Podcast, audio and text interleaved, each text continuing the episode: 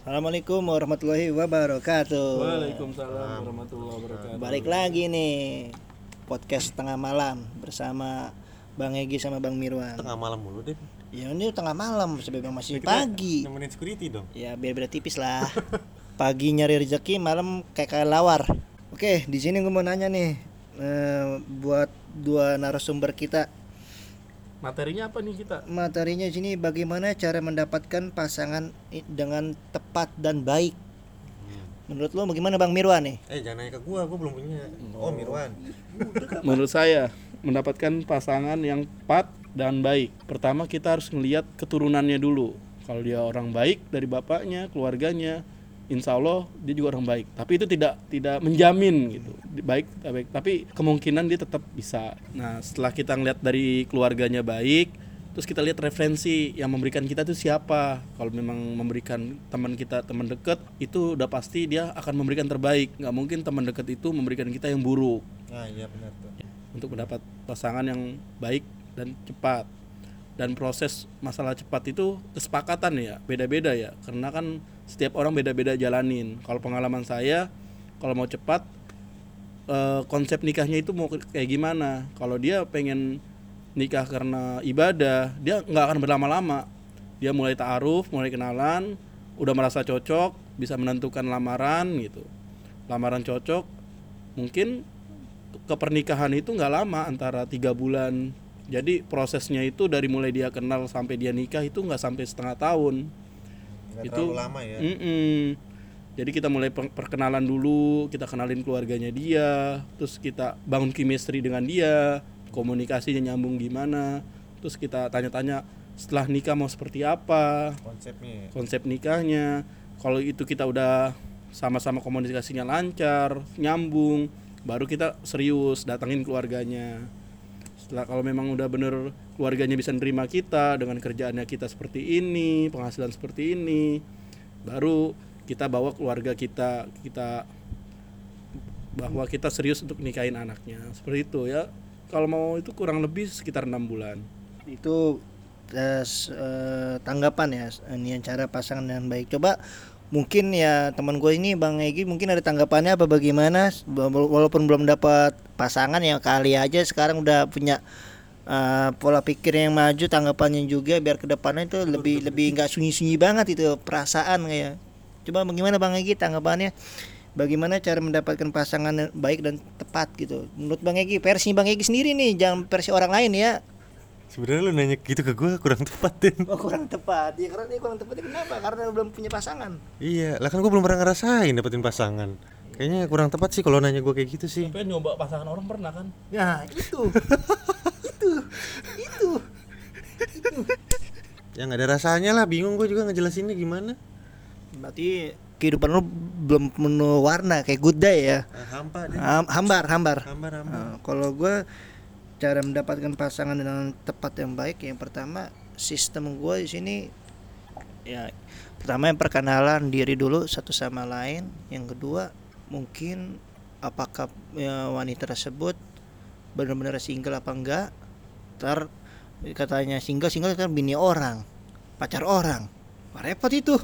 Makanya gue nggak mau. Itu yang pertama kali itu nama kejelasannya apakah single Statusnya ya. Yang ketiga di sini soal agama. Mungkin ya seiman sama kita. Jangan nggak seiman nggak nggak seiman wah repot kita. Mau mungkin kita bisa ketarik Repotnya di mana? Di proses nikahnya atau menjalani ke depannya? menjalani ke depannya. Ini karena ya mohon maaf ar- berbeda agama itu ya agak sulit. Bisa begitu sulit. Lupakan Egi. Tuh. Terusnya yang terakhir ini eh, mungkin kriteria gue yang niannya c- bagaimana cara dapatnya. Yang terakhir itu cuma bisa menerima kita apa adanya. Jangan cuma pas lagi di atas ber- dia bersama kita. Tapi kalau pas kita lagi di bawah dia akan pergi. Terbuka juga en- en- enak diajak ngobrol bisa ya, melengkapi juga enak bisa niannya apanya. Terus saya yang kedua nih yang mau gue tanya ini ke Bang Mirwan nih apa, saja persiapan untuk jenjang menuju pernikahan Bang Mirwan ini karena kan gue ngeliat ini pertemanan kita cuma hanya segelintir orang yang sudah mengalami proses pernikahan. Menurut gua ini kita buat pembelajaran buat ke depannya biar nggak salah cara milih pasangan buat menuju eh, ke pernikahan. Bagaimana tanggapannya Bang Mirwan ya coba. Nah, jadi gini. Ini sini. Gua gua gua. Salah gua Egi ini gua nih. Oh, jadi mempersiapkan untuk menikah itu butuh proses ya. Yang pertama mental. Mental kita harus kita bangun. Kita siap nggak membimbing anak orang? Yang pertama. Kita siap nggak menanggung beban gitu? Karena menikah itu bukan sekedar sehari dua hari tapi selamanya. berharap itu untuk sampai meninggal gitu. Pasangan seumur hidup gitu jadi mempersiapkan mental karena kita nanti akan menjadi pemimpin setelah menikah itu. Kita harus bisa membimbing dia dalam segi agama dalam segi sisi di rumah tangga gitu mengatur keuangannya atau mengatur kebersamaannya mau seperti apa. Setelah itu persiapannya materi ya. Karena tidak dipungkiri ya menikah itu butuh biaya dan biaya itu tidak kecil untuk menikah. Jadi kalau kita memang belum ada jodoh ya kita persiapkan. Mental kita harus sudah siap untuk menjadi pemimpin. Yang kedua kita harus mencari modal kan? Karena modal nikah itu nggak kecil nggak sejuta dua juta bisa puluhan juta. Kita nggak nggak tahu pasangan kita itu mau nikah seperti apa gitu. Ya syukur-syukur kita dapat pasangan yang bisa yang penting sah gitu. Nah iya benar. Kalau begitu kan enak ya kan ya. Tapi kan berbandingannya satu bisa banding sepuluh ribu atau satu juta gitu. Apalagi di kota Bekasi gitu kan. Kota metropolitan iya tahu sendiri kan cewek-ceweknya? Tinggal siapin KTP aja sama selfie. Susah kan? Pasti pengennya berlomba-lomba. Wah tetangga gue gede ada ininya. Gue harus lebih gede pada main saing-saing kan. Agak berat gitu kan. Jadi mental kita harus kita siapkan materi kita harus siapkan. mental modal. Jadi banyak yang harus dipersiapkan. Jadi kita sambil menunggu jodoh sambil mempersiapkan t- tiga poin tersebut yang pertama mental kita dalam memimpin dengan mencari referensi-referensi mau di Google mau di buku mau di teman gitu kan. Yang kedua modal apakah kita kerja bisa part time gitu kan. Demi mengejar agar tahun depan ini kan pada 2023 pada mau menikah kan ya. Ya itu. Kita harus ngejar uh, duit gitu kan. Syukur-syukur kalau memang kita dapat jodoh yang bisa nerima apa adanya duitnya kan bisa kita alokasikan apa buat beli rumah atau buat beli kendaraan buat usaha. Bisa seperti itu. Yang ketiga yang dipersiapkan adalah tujuan kita nikah itu mau seperti apa dengan pasangan kita. Kalau kita hanya sekedar melampiaskan nafsu ya sangat disayangkan gitu. Tapi kalau kita ingin ke depannya sukses berdua gitu sukses dunia akhirat nah itu harus kita konsep dari sekarang gitu gue mau punya pasangan yang seperti ini seperti ini seperti ini gitu tanggapan saya seperti itu dalam persiapan dalam menikah nah terus Wan gimana gua dong yang nggak ada modal nggak ada mental nggak ada pasangan Ya berarti lu bukannya berkecil hati di sini Gi. Jadinya ini ada suatu motivasi yang sangat bagus ya kan. Ya, sini walaupun lu bicara begitu di sini ada motivasi yang sangat baik. Jadinya buat ke depannya lu jangan pesimis, harus optimis.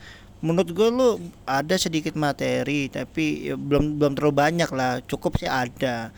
Tinggal lu nya aja buat ke depannya nyari pasangan yang benar gitu loh jangan cuma lu nunggu lu stay di di rumah tadi di teman-teman lu lu juga harus nyari juga itu jangan cuma dari referensi orang juga. Benar apa bagus dari referensi teman. Jadi tahu latar belakang satu sama lain ya kan. Tapi kalau buat kalau kata lu harus punya daya tariknya sendiri lu kan harus nyari sendiri dong. Bukan dari referensi dari teman kan? Nah, Nah itu tuh selalu udah udah ada pembelajaran sangat bagus deh menurut gua. Nah ini yang ketiga nih Bang Mirwan bagaimana suka duka setelah menikah?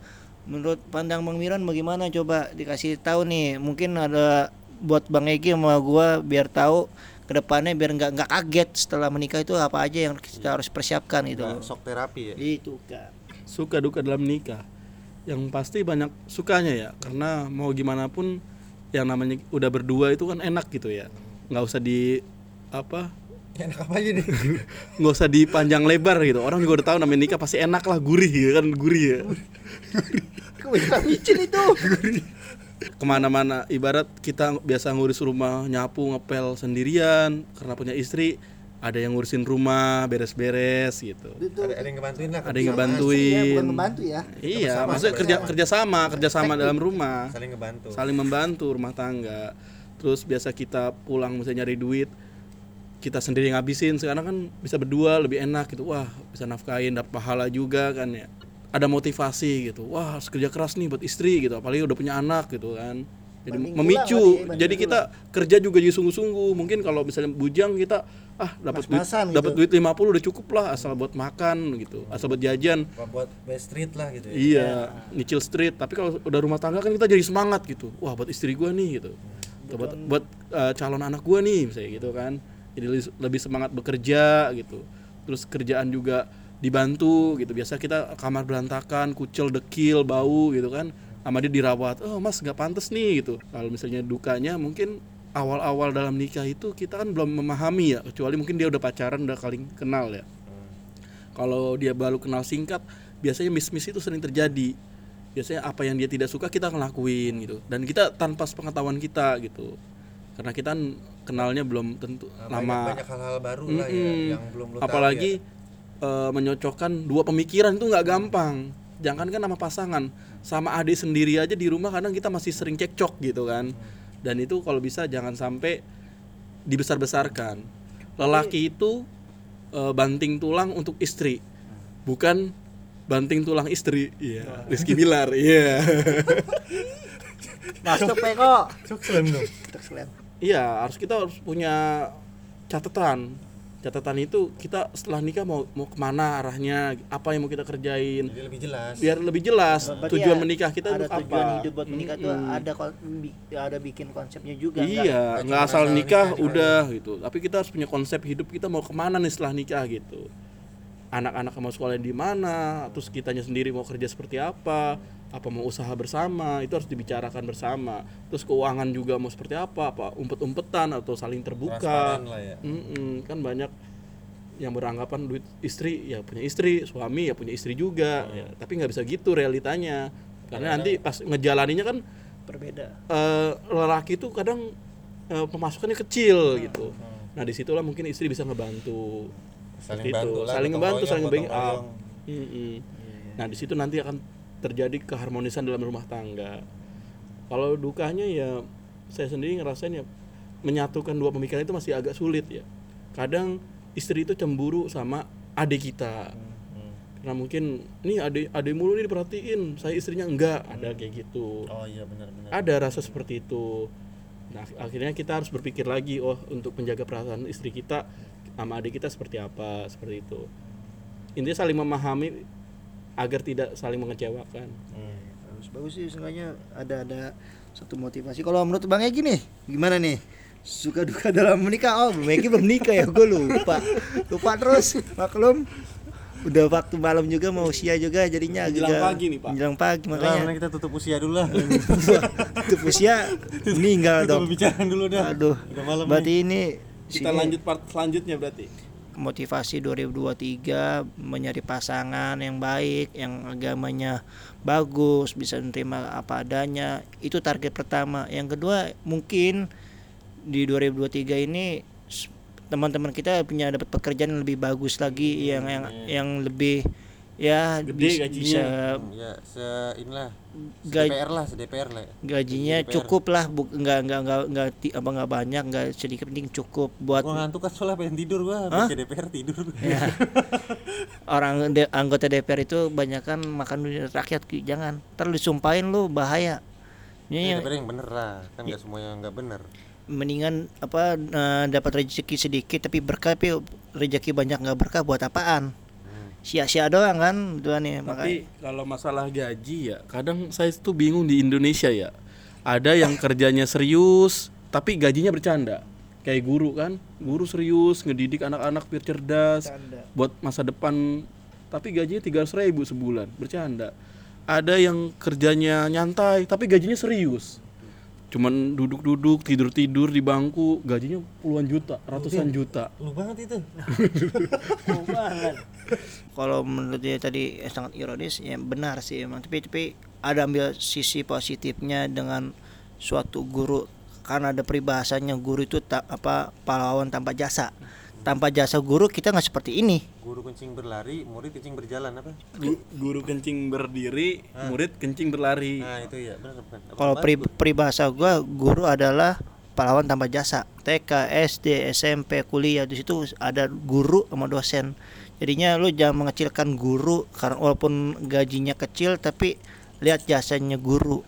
Tapi kalau gurunya kecil gimana? Yang gurunya kecil badannya. gurunya kecil berarti itu faktor dari keturunan yang udah kecil Tuhan yang bukan uh, Bukan gajinya yang bukan gaji yang kecil itu gajinya ya. gede. Ya berarti Berarti lemak mulu dong gajinya iya gaji, gajian itu berarti dia.